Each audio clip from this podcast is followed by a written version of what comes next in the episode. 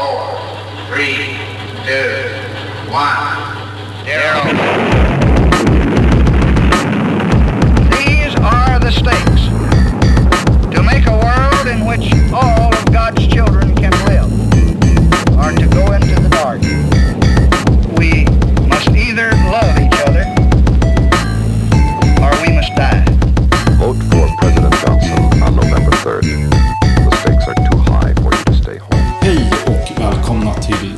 Daisypoddens tredje avsnitt. Ett avsnitt som kommer att handla om triangulering. Ett ord som har figurerat i den politiska debatten om debatten i ungefär 22 år. Till vår hjälp så har vi idag en gäst, Lydia Wåhlsten, kommunikationschef på Timbro, kolumnist känd från bland annat Göteborgs-Posten och Svenska Dagbladet. Välkommen till Daisypodden. Tack så mycket. Du har ju skrivit en del om triangulering och eh, vad, hur, det, hur begreppet används, eh, om inte, inte minst inom svensk politik. Kan du, eh, kan du beskriva vad det, är, vad det är till att börja med? Nej, men det är lite lurigt att definiera triangulering. Det finns flera olika definitioner, men eh, man kan väl säga att det finns två huvudsakliga egentligen. Och det ena handlar ju då om att man tar motståndarens positioner där de är som starkast, just för att desarmera dem och så att man kan prata om den egna politiken. Och det andra är att man eh, kopierar helt och hållet motståndarens politik. Eh, så skillnaden är då att i det första fallet, då säger du i Reinfeldts fall, då, du säger att jag, jag vill stå bakom den svenska modellen, men de facto när du kommer till makten så genomdriver du klassisk högerpolitik. Det andra alternativet är att du säger att du värnar den svenska modellen, och som jag då skulle argumentera för att de gjorde, att man bedriver också ganska socialdemokratisk politik. Så där är, har vi en distinktion. Och sen en tredje distinktion, bara för att föra in den, som har varit på tal i Sverige av en person som heter Erik Åsard, som är eh, professor, tror jag, det är att vi överhuvudtaget inte kan prata om triangulering i Sverige på samma sätt som man gör i USA till exempel. För att vi har ett annat valsystem. I USA så pratar man om triangulering även inom partierna där man har tydliga olika fraktioner. Och det har vi inte i Sverige för att eh, ja, partisystemet ser inte ut på det sättet utan vi har ju ofta en åsikt i partierna och inga andra yttringar kommer fram. Eh, och också eh, en fjärde, ett fjärde take på triangulering för att göra det extra komplicerat, det är att göra vad jag kallar för en Macron. Att man helt och hållet skjuter sig bortom dagens politik och säger att jag ska skapa någonting nytt. Jag ska skapa, liksom, i hans fall, då, det nya Frankrike. Eh, där man helt och hållet bort, går bort från höger-vänster-konflikten och säger att jag är större än den där gamla dassiga skalan. Precis, för eh, det där, eh, vi- pratade lite grann om det innan här, att, att eh, i någon definition av det här som jag har läst så, så pratar man om, om just det här om att lyfta sig över eh, debatten, att inte liksom, eh, att på något sätt distansera sig från från själva skalan som de andra befinner sig på, eller som man kanske själv befann sig på tidigare. Eh, Någon, någon skrev att det här var också vad Obama gjorde i något avseende. Liksom. Håller du med om det? Ja, just i Obamas fall så håller jag nog faktiskt inte med om det. Utan eh, jag tycker att han eh, stod ändå relativt fast. Eh, men det är klart att i en värld där vi har helt andra politiska konflikter, hur man än vrider och vänder på det, är höger-vänsterskalan död eller inte? Jag tycker väl absolut att den är levande. Men det har ju kommit in andra frågor som är svårare att definiera utifrån liksom, höger-vänster. Och det gör ju trianguleringsbegreppet extra intressant. För det bygger ju på att det finns en höger-vänster-konflikt. Precis, men tycker du att den är relevant i det svenska? Om vi liksom, då borde vi prata om blocken istället eh, för eh, om, om bara så att säga. Eh, jag menar ju i den amerikanska kontexten och även den brittiska så, så finns det liksom två stora partier egentligen. Så vad tänker du?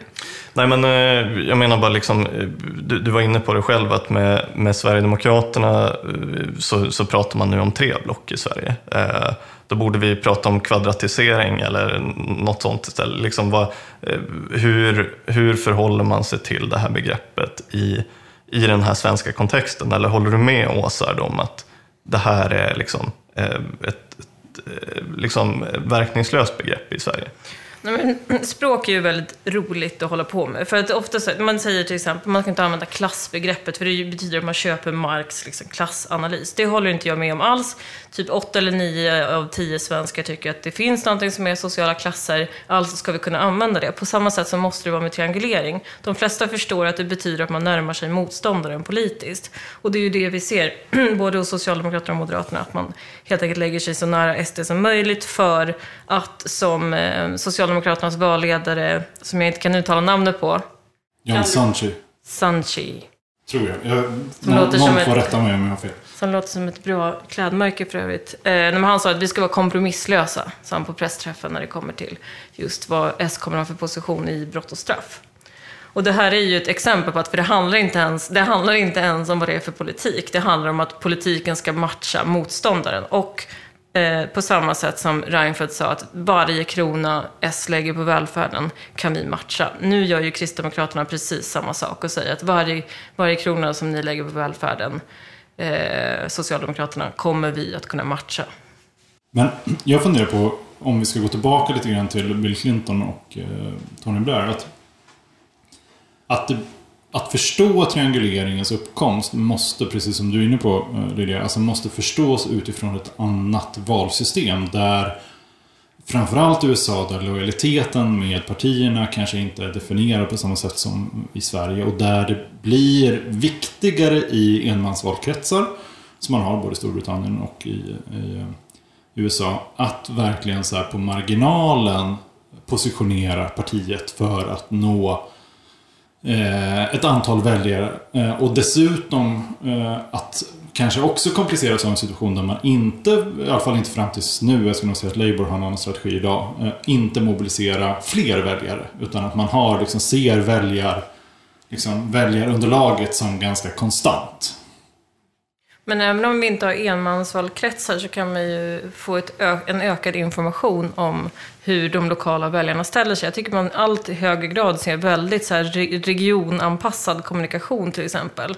Och det i sin tur skulle väl kunna leda till liksom en ökad, i alla fall kommunikativ triangulering, även om det inte liksom flyter upp till riksnivå.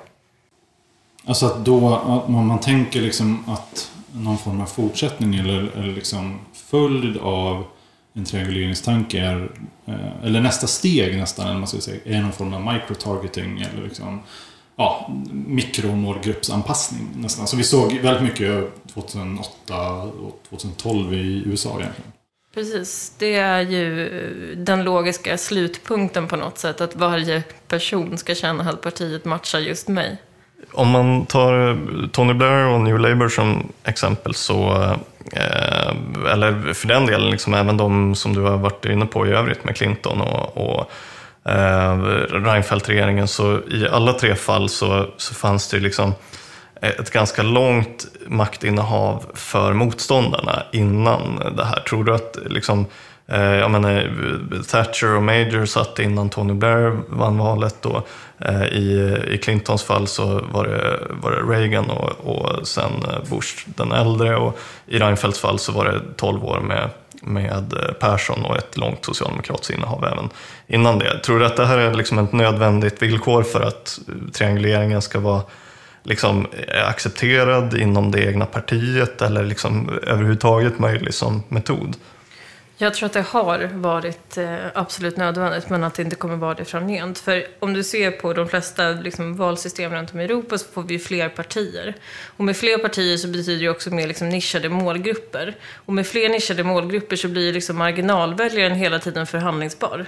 Och det kommer ju att öka behovet hela tiden av triangulering, fast liksom på olika håll. Så att eh, om man tittar nu på Socialdemokraterna är väl senast ut att bedriva någon slags ganska tydlig och stark triangulering på kort tid.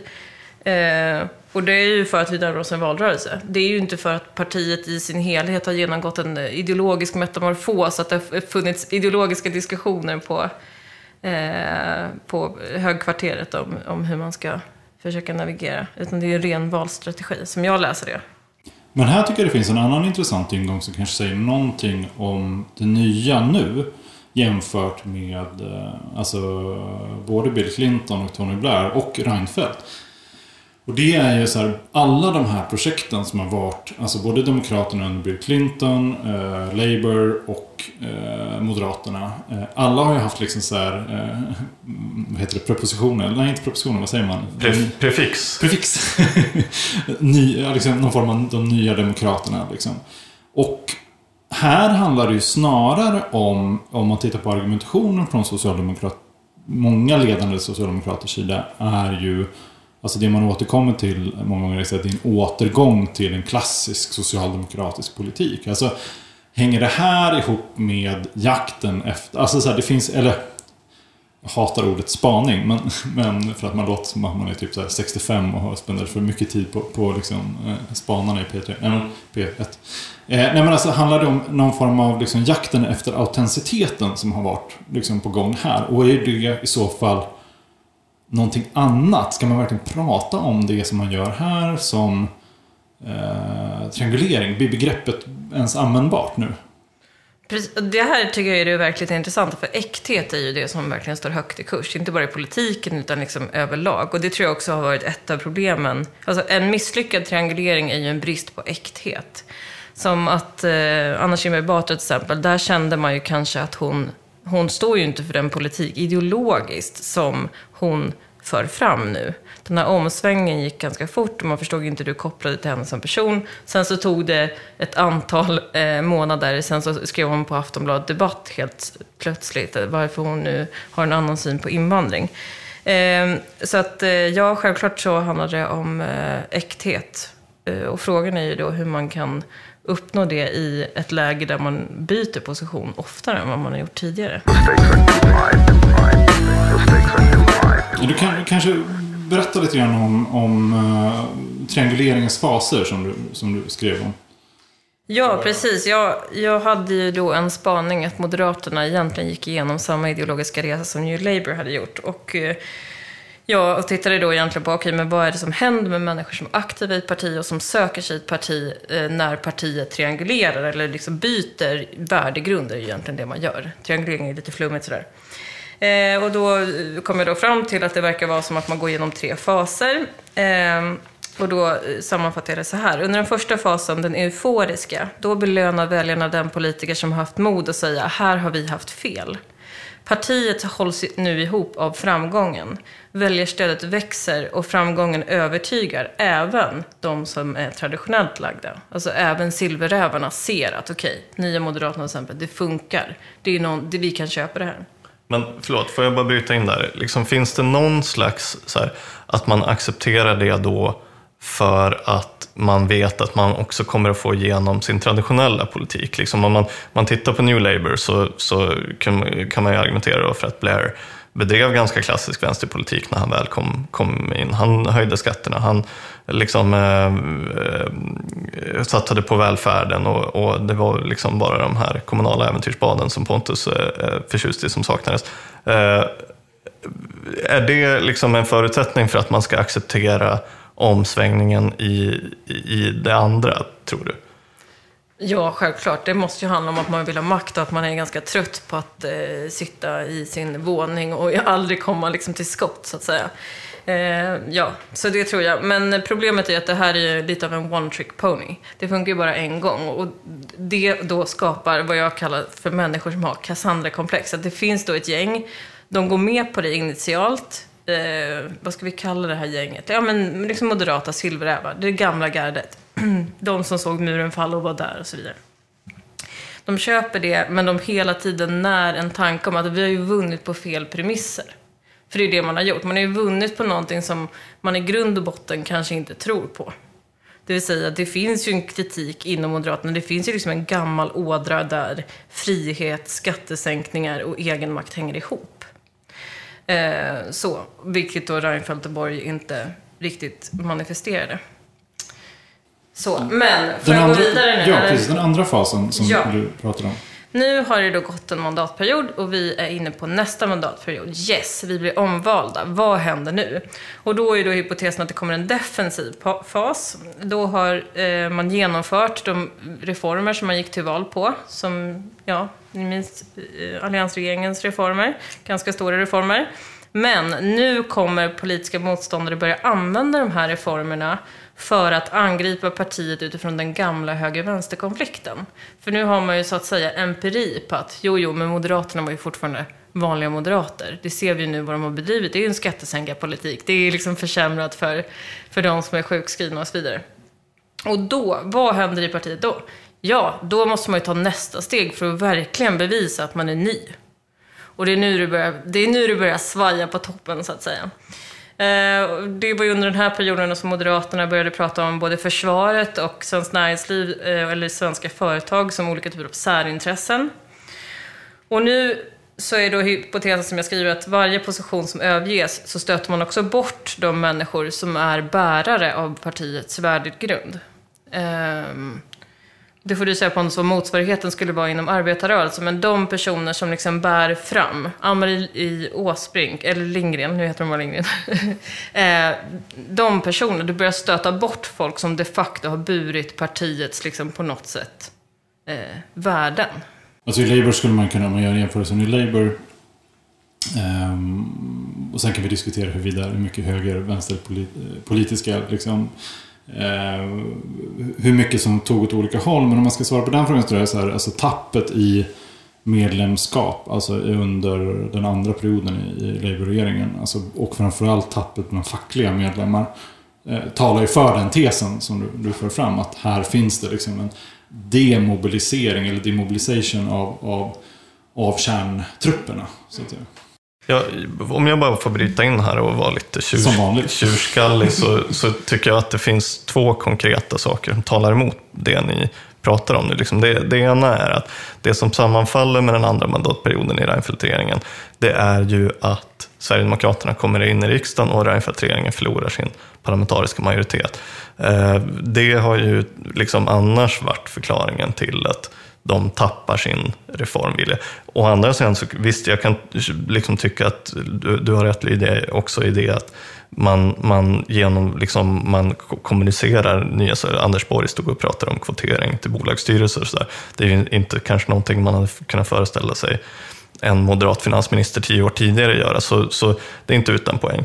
I Labour, men, men i Labour-fallet så finns det också liksom Irakkriget och Afghanistankriget som, som är, tror jag, väldigt demoraliserande för eh, många Labour-medlemmar och aktivister. Så att, säga, att, att eh, se liksom, partiet närma sig den amerikanska utrikespolitiken på det sättet och att det kanske är en starkare förklaring än eh, den här så att säga, påstådda högersvängen i, i den ekonomiska politiken. Det tycker jag låter flummigt. Eller liksom lite externt. Det är två svarta svanar som kan ha viss betydelse, men det förklarar ju liksom inte människors grundläggande logik i ett parti. Jag tänker liksom om man tar återigen eh, Labour. Alltså den eh, ideologiska diskussion, och det här, och nu kanske man går lite från ämnet. Men den ideologiska diskussion som präglar mycket av New Labour är såklart liksom Irakkriget under, liksom efter 2001. Men det finns ju också en annan typ av höger-vänster-diskussion som jag tror man inte ska underskatta. Alltså det är så här nationaliseringen av järnvägen, eller privatiseringen av järnvägar. Det är eh, offentlig-privata partnerskap som man är väldigt drivande för inom eh, sjukvårdssystemet. Sådana här Karolinska, eh, Karolinska sjukhuset-upphandlingar som man brukar vara poppis att prata om. Eh, så det är klart att det finns liksom, jag tror att det finns en, liksom också en, en politisk aspekt som man lätt glömmer bort när man pratar kommunikation eller liksom pratar saker som påverkar. Men en sak kan vi nog vara överens om alldeles oavsett. För jag håller med om, det där, det där är ju så att säga X-faktorer. Eh, och sen, men det vi kan vara överens om är att regeringsinnehav kostar på ideologiproduktion. Det är väldigt svårt att både regera och att hålla liksom den ideologiska debatten levande. Och de flesta partier som sitter vid makten länge får torka efter ett tag. Eh, så. Mil- Miljöpartiet kanske är ett exempel på att det inte ens behöver ta så jättelång tid. Nej, det, nej precis. Ehm, men hur som helst, jag önskar att jag fick gå vidare i min fina modell som Mm, jag har skapat har utan att Joakim håller på att tjafsa på här med massa... Nu, nu kommer fas 3. Profit brukar man säga då inom South Park. Fas 3, det här är den fasen som vi gillar. Nedgångsfasen. Den infaller unge, efter ungefär tio år. Nu finns det inte några centrala frågor kvar som man kan ändra åsikt i. F- Höga företrädare för partiet kommer göra utspel som visar att de helt och hållet saknar ideologisk kompass. Mitt exempel då är att eh, moderatledaren säger att företag som skatteplanerar har svikit Sverige och lägger fram eh, förslag på vinstförbud i välfärdssektorn. Hon har börjat bli populistisk. Man kritiserade till exempel Dan Eliasson istället för att eh, rikta misstroendeförklaring mot Anders Ygeman, vilket var ett väldigt konstigt drag. Och i fas 2, då har man ju också börjat attrahera vad eh, Benjamin Dosa skulle kalla för den gamla förbundsledningen i MUF. Alltså personer som är väldigt intresserade av att bygga sitt eget varumärke och väldigt lite intresserade av idéer. Där man mer pratar om att man inte ska ha vissa kläder på sig, utan man ska se ut som en vanlig moderat. Istället för vad man egentligen tycker som moderat. Men, men tror du att liksom, om Anna Kinberg Batra hade fått chansen att liksom, på ett blankt papper egentligen rita upp skisserna från, för sitt Moderaterna, liksom, utan det här arvet från Reinfeldt. Tror du att det egentligen hade blivit så annorlunda?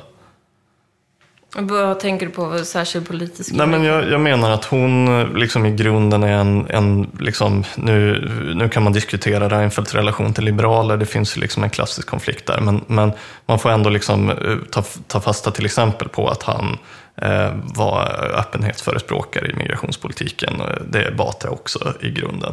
Eh, hon, eh, hon, jag kan föreställa mig att hon hade velat reformera arbetsrätten, LAS och så vidare. eh, Eh, sånt som Reinfeldt inte ville eller vågade ge sig på. Men, men vad är det egentligen som, liksom, eh, vad är, det, vad är den fundamentala skillnaden mellan den Batra som så att säga eh, lider av trianguleringens arv, så som du beskriver i den här artikeln, och liksom den Batra som mer fritt hade fått forma sitt parti? Eh, jag tror att det fanns ett antal politiska frågor där det var tvunget att ändras. Och den ändringen hade ju kunnat komma på ett annat sätt om hon inte var fast i liksom, arvet. Sen så är det ju problematiskt, självklart, om man har suttit så nära. Jag menar, Reinfeldt satt ju kvar på kontoret till och med. Medan när hon hade tagit över, satt liksom i en skrubb längst in där. Eh, så att, eh, det är självklart att det var svårt för henne. Men jag förstår inte varför man inte gjorde den här omsvängningen mycket tydligare, precis som man gjorde med den första trianguleringen. Ska du triangulera, så här kan vi säga, ska du triangulera, då får du göra det ordentligt. Som Socialdemokraterna nu, ja, okej, vi ska vara jättehårda i flyktingpolitiken. Men här har vi 9000 personer som ska få stanna på liksom lösa boliner. Och det gör ju att det blir väldigt otydligt. Och eh, triangulering kan ju misslyckas av en massa skäl, men otydlighet gör ju inte direkt att trovärdigheten eller äktheten som vi pratade om stärks. Men då, då blir ju återigen frågan, alltså om triangulering som en politisk strategi är ju... Ehm, alltså politisk, som, som politisk strategi så är vi fortfarande någonstans i en diskussion om att det kan vara lite vad som helst eller att om vi ska fånga alla liksom, definitioner av det, bara en, liksom, egentligen ett, ett politiskt liksom, taktiskt serande snarare än en politisk omvärdering. Ehm, för att om man tittar på till exempel då hur, hur, man, hur du beskriver då Moderaterna nu, liksom, eller den omsvängningen eller liksom, så reduceras det ju till alltså, i väldigt mycket yta. Alltså, och, och då undrar jag, alltså vad händer? För jag tror ju också att man så här, ett, ett hade det liksom nymoderata projektet fått överleva, om inte omvärlden hade förändrats så snabbt och det hade fått överleva ett tag till. Hur mycket hade inte den här nya typen av moderat medlemsstock, eller vad man ska säga, kunnat definiera partiet? Eller är det en omöjlighet? Liksom? Därför att det saknas tillräckligt liksom, stora kontakter, eh, politisk skolning, eh, erfarenhet för, för de som kommer in nytt på nytt. Alltså hur, hur, vad ska ett politiskt parti som då triangulerar sig göra för att bibehålla trianguleringen? Eller liksom bibehålla den positionen? Du menar, hur ska man få de unga människor som nu ska börja kliva upp och ta mer seniora positioner att eh, vara ideologiska på ett eh, internt paradoxalt sätt? Vilket ju är det det innebär om man eh, frångår sina grundvärderingar. Hur ska man då hålla den här interna konflikten levande över generationer? Eh, jag tror att eh, kanske Socialdemokraterna är bättre på att svara på hur man hanterar de här olika interna konflikterna. Det enkla sättet är väl att vara väldigt toppstyrd. Nej, för, för, okej, men jag ska säga så här. Om man omdefinierar ett parti och eh, gör någon form av då resa åt ett visst håll som liksom skiftar värderingar. Alltså just utifrån den diskussionen att så här, eh, om, jag, om jag går till mig själv, ingen trodde liksom riktigt på Moderaternas omsvängningar. Eh, det var bara fejk och yta, såg man från vänstern och arbetarrörelsens sida 2006. Liksom. Men sen så förstår man ju också så här att nästa generation av människor som kommer in i Moderaterna och definierar Moderaterna mycket väl kan ha den världsbilden med sig. Men den stannar ju inte. Eh, varken i liksom Labour, i Demokraterna eller i Nya Moderaterna så biter den sig fast. Och hur skulle ett sådant projekt kunna, vad vad hade behövts för att den skulle kunna bita sig fast? Ja, det som hade behövts är att den skulle fortsätta vara framgångsrik. Men tyvärr så är det ju som med de flesta sådana här omläggningar, att efter ett tag så börjar det gå dåligt igen. Det är ju, som jag sa, det är en entricksponny. Eh, och när det börjar gå dåligt så tappar man ju förtroendet och börjar rulla tillbaka till sina gamla värderingar. Och det är ju egentligen ganska sunt, tycker jag. För att det betyder ju också att eh, ideologi fortfarande spelar roll. Vi pratade tidigare om eh, lite grann hur man kan se på olika typer av triangulering. Vi har eh, definierat, eh, du definierade i lösa drag ungefär fyra olika typer av triangulering. Och då funderade jag på det som du eh, menade var liksom Macron. Eller liksom det han gjorde, att han så här försöker ställa sig helt eh, ovanför politiken. Liksom. Eh, vill, vill du berätta lite grann, eller utveckla lite grann hur du tänker där? Eh, ja, nej men han har ju helt enkelt gått till val. Han har ju skapat en plattform utifrån på ett väldigt speciellt sätt genom massor med medborgarinitiativ. Sen har han haft ett antal experter som har skrivit ihop det här. Det kommer ganska tidigt innan valet. Det har ju inte funnits någon liksom, partiorganisation. Det finns egentligen ingen som vet riktigt hur hans valmanifest ju kom till. Eh, går till val på det här och det är ju, vissa beskriver det här dokumentet som eh, att det är totalt platt, medan andra beskriver det som väldigt radikalt. Nu har han ju fått ganska stort liksom, motstånd från fackföreningsrörelsen och från studentorganisationer genom de reformer som han ändå försöker genomdriva. Eh, men han, hela hans ambition som han talar om politiken i, att den är mycket större än bara ett hantverk. Han är, till skillnad då från Reinfeldt eller Tony Blair, han är ingen pragmatiker. Han ser inte liksom som jag tolkar det, att idealet är att man ska vara, inte ha några stora tankar, utan han är det var någon som beskrev det väldigt bra. Någon sa att han var liksom den intellektuella elitens Donald Trump. Så att han har, istället för Donald Trump som var så här, the regular guy on the street, här vill man ju istället upp på liksom en toppnivå. Det här ska liksom vara den mest intellektuella liksom, franska presidenten och sådär. Så att... Eh, men, men det är det här jag tycker är intressant liksom med, med jämförelsen med Obama som vi var inne på tidigare. Att, att det fanns ändå liksom, eh, något, något liknande i det sätt som de bedrev valrörelserna på. Och jag, jag, liksom, du, du höll inte med om det, men jag tycker att Obama ställde sig ovanför eh, på ett liknande sätt som Macron gjorde. Eh, han, han var på ett liknande sätt också liksom det här tomma kärlet som man kan projicera, eller liksom kanske en projektorduk som, som folk kan projicera sina egna eh, drömmar och, och liksom, sin, sin egen identitet. Och på, liksom, upplevelsen kring Obama var väldigt mycket, tyckte jag, att, att folk sa så här, han tycker precis som jag, han är precis som jag. Eh, men, men utan att han egentligen hade sagt vad han tyckte, utan att han liksom stakade ut så mycket annan riktning än att USA var, var bra, så att säga. På ett, han sa på ett väldigt vackert sätt och sådär. Men, men liksom, eh, det fanns inte så mycket substans och politik. Eh, kanske lite mer i Macrons fall, men, men eh, håller, du, håller du med om den här jämförelsen alls? Eller? Om Obama som en slags projektionsduk. Jo, men det är klart att han var en projektionsduk också. Men jag tycker att politiskt sett så har han ju ändå liksom bibehållit ändå sin liksom politiska inriktning. Även om många sa att det var tomt, så det han de facto har liksom drivit igenom. Ja, eh, Precis, fast jag, liksom, eh, jag menar att om Obama hade framställt sig i valrörelsen som så sossig som han sen var, så hade han aldrig blivit vald. Utan liksom det som gjorde att han blev vald var att han ställde sig ovanför höger-vänster-konflikten, pratade om enighet och att liksom brygga över de här liksom djupa konflikterna som delat USA. Och, och, och därför så, så ska man liksom eh, nu ja, välja honom för att då, då kommer allting och liksom, då kommer man förenas. Mm. Ja, och framförallt var han ju väldigt sval. Det delar han ju med Macron som säger att han vill ha en t-shirt på sig på någon sån här stjärnintervju och så att man är väldigt laid back och, eh, och nonchalant. Och det, ja, det är väl också någon typ av motsvarande liksom elitisk eh, populism. om man kan kalla det det. Jag funderar på en annan sak när det gäller triangulering. Och det är alltså att triangulering uppstår i ett väl, alltså trianguleringen som strategi uppstår i ett väldigt speciellt politiskt historiskt läge. Och det vi ser egentligen i mångt och mycket är alltså, alltså tidiga 90-talet som egentligen kanske inte i grunden handlar så mycket om att man har haft liksom ett långt republikanskt eh, vad heter det, regeringsinnehav eller presidentskap och kontrollerande av, av liksom kammarna. Eller för den delen Tories i, i Storbritannien. Utan det som händer är att man har en ganska ny politisk historisk situation som egentligen bottnar i en ganska stor värderingsmässig och praktisk ideologisk eh, tomhet i mångt och mycket. Alltså så här, det är en väldigt ny värld som håller på att formera sig post 89.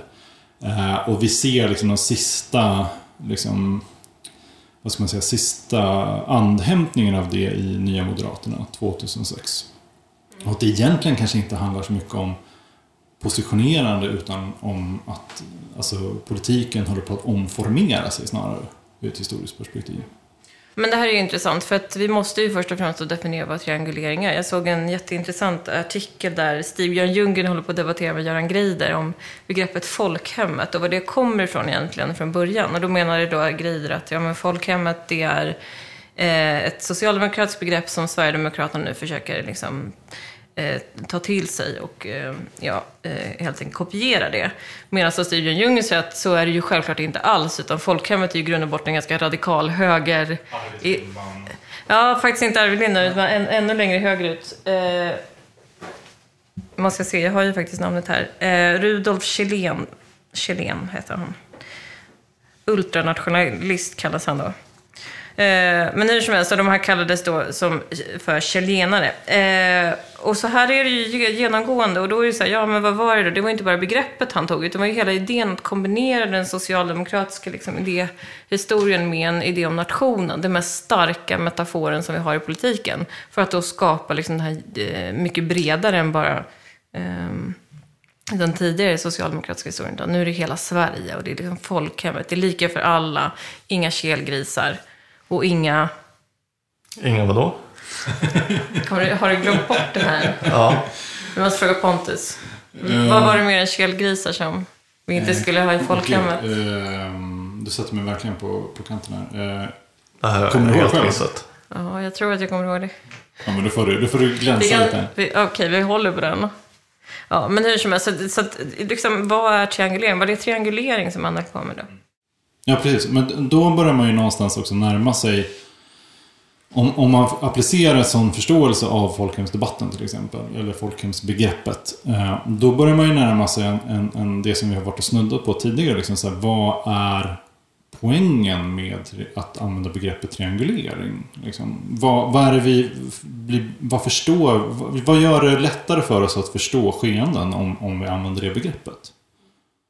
Jag tycker ju två saker, om jag får säga något. Jag, min egen definition av triangulering är ju någon helt annan. Som kanske är mer sann, men mindre användbar. Och det är ju att det är helt av... Triangulering är när ett parti förflyttar sig snabbare sakpolitiskt än vad ideologin hänger med i partiet. Så att folk blir förvirrade. Eh, som att liksom eh, hälla kallt vatten på höns eller någonting. Att de blir bara väldigt förvirrade.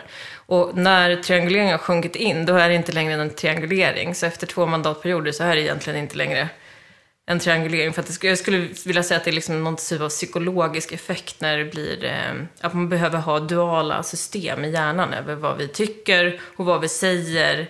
Och det, det är liksom det. För att bara förflytta sig närmare en, en annan politisk position, det händer ju hela tiden. Så på det sättet så blir allting en triangulering och det har också blivit ett skällsord i den svenska debatten. Alla använder det fel, alla skyller på varandra. Jag menar, det är både så här, Torbjörn Nilsson och någon språkprofessor. Det är på ganska hög nivå också. Man säger, men du använder det här begreppet fel. Det är så här, jaha. Och då tycker jag att eh, om man inte vill använda min definition, då ska man använda den mest grundläggande definitionen. Det är ju som folk använder det, nämligen då att man kopierar den andra, eh, den politiska motståndarens åsikter helt enkelt. Det är ju minsta gemensamma nämnaren. Sen så kan det vara retoriskt, att vi säger att vi värnar den svenska medaljen. Eller kan vara faktiskt, det vill säga vi kommer att stå upp för den svenska medaljen. Mm. Ja, jag, jag står fast här vid att eh, det verkar orimligt att bara prata om en kopiering och eh, en, ett närmande när, när det är så tydligt det är liksom ett begrepp som syftar på en tredje position. Alltså I Blairs fall så pratar man ju om the third way. Eh, det var liksom mellantinget mellan kapitalism och socialism. Liksom. Man skulle hitta en tredje väg. Eh, Men en trea kan ju också ligga mellan ettan och tvåan, om du tänker det som en bild.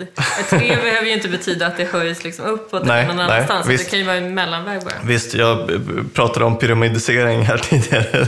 Det, det verkar onödigt att göra modellen mer komplicerad som sagt. Men, men eh, det, det, det här att, att flytta sig till, till en tredje position och inte bara till så att säga, eh, vi har position 1 och 2 och nu går jag från 2 till 1. Liksom. Det, det, då verkar begreppet rätt så värdelöst. Och, och jag uppfattar lite grann att det är nästan så det används i dagligt tal i, i Sverige idag.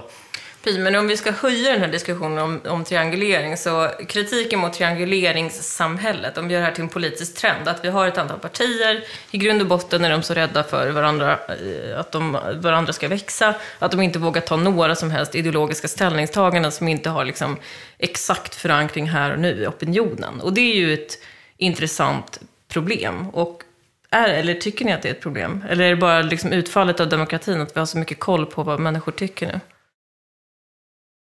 Joakim, du såg ut som att du skulle säga något. Nej, nej, säg du, vad tänkte du?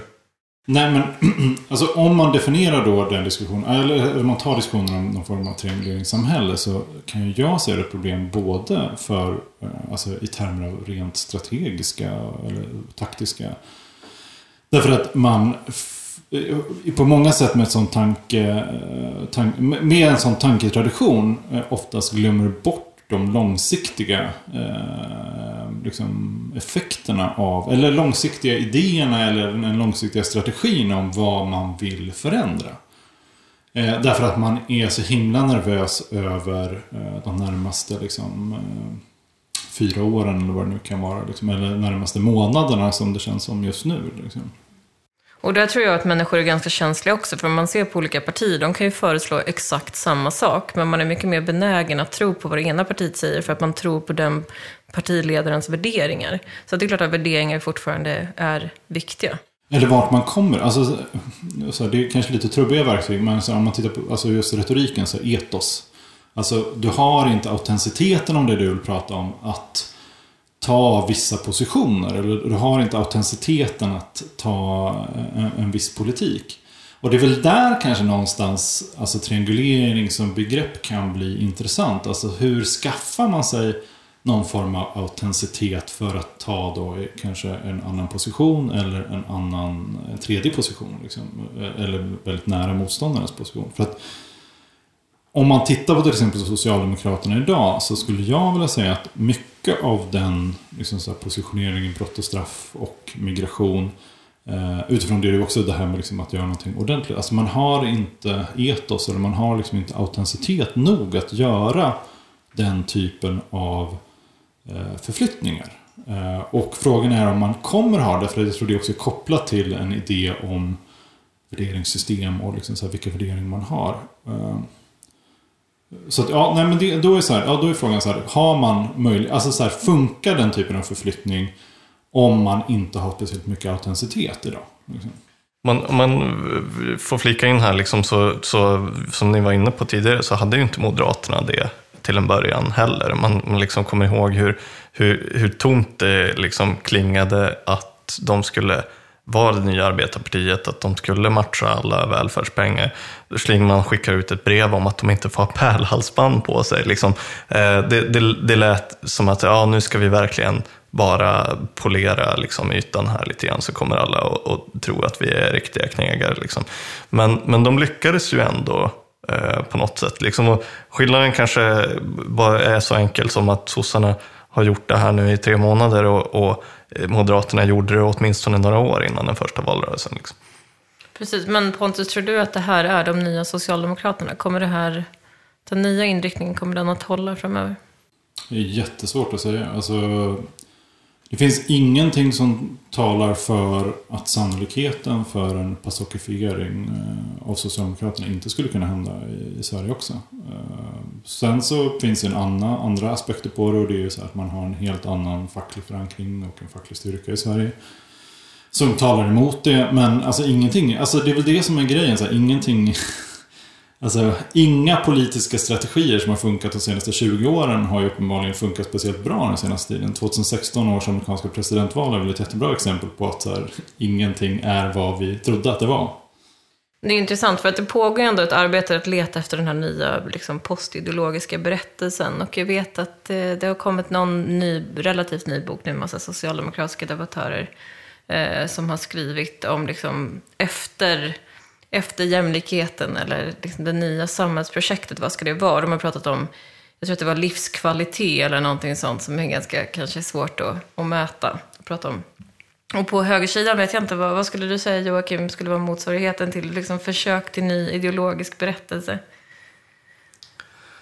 Ja, jag vet inte. Alltså, jag, ärligt talat så tror jag att det där inte ligger så långt ifrån högerkanten heller. Alltså, man, man pratar om liksom någon så här gammal konservativ idé om att ta sig bort från det här konsumtionssamhället och det här eh, råkapitalistiska. Liksom. Jag, jag, tror att det finns en, en grogrund även inom högern. Eh, sen så kanske man kan prata om vad, vad, hur hur liberaler ser på det här och liksom att liksom de här tre blocken faktiskt finns som, som vi pratar om, då, då kanske det blir en, en delvis annan. Men, men jag tror absolut att liksom livskvalitet och, och konsumtionskritik kan ta fäste eh, även inom klassiskt liksom, borgerliga och konservativa led. Mm. Så då får vi en ny eh, triangulering på MPs planhalva. Det vore ju uppfräschande. Men jag tänker också så att mycket av den diskussionen som vi har kring triangulering alltså, och den, det politiska taktiserandet är ju egentligen också att det handlar om att vi har så extremt stora omvälvningar, samhällsomvälvningar som vi försöker förhålla oss till. Liksom. Därför man upplever från politiskt håll att så här, man inte har verktygen för att kunna möta den typen av, av liksom, eh, stora förändringar. Eh, och den, alltså också ekonomiska förändringar. Liksom, så här, vem hade kunnat liksom ana 88 att vi liksom, eh, tio år senare skulle ha i princip eh, frihandelsavtal på liksom, ja, men, stora delar av jordens eh, handelsområden. Eh, och vad det innebär för implikationer av liksom, allt från jobb till liksom, eh, produktion eh, och sådana saker. Och det är en sån, det, jag tror att om, om man inte har det filtret också när man försöker förstå liksom, politiskt taktiserande så blir det väldigt liksom, apart.